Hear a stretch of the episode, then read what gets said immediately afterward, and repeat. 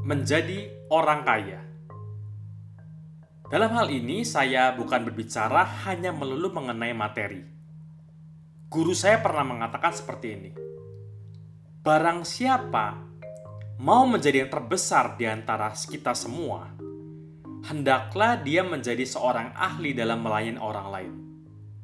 Tahukah Anda, orang-orang yang sangat kaya adalah orang-orang yang ahli, bahkan pakar, memberikan pelayanan kepada orang lain makin banyak orang-orang yang menikmati pelayanan mereka, artinya makin banyak orang menerima nilai tambah dari mereka, makin banyak dia akan menerima.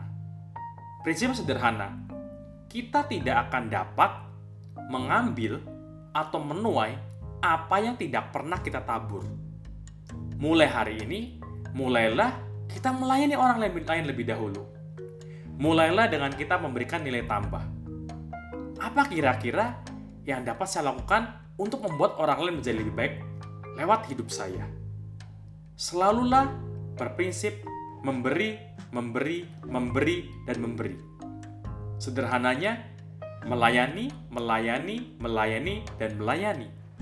Saat kita melayani dengan terbaik, dengan tulus, tanpa kita memikirkan lebih dahulu apa reward yang akan kita terima, apa imbal yang kita terima, saya percaya ada reward yang luar biasa sedang menanti Anda. Kenapa? Karena saya selalu percaya orang-orang tulus itulah orang-orang akan mendapat berkat yang luar biasa.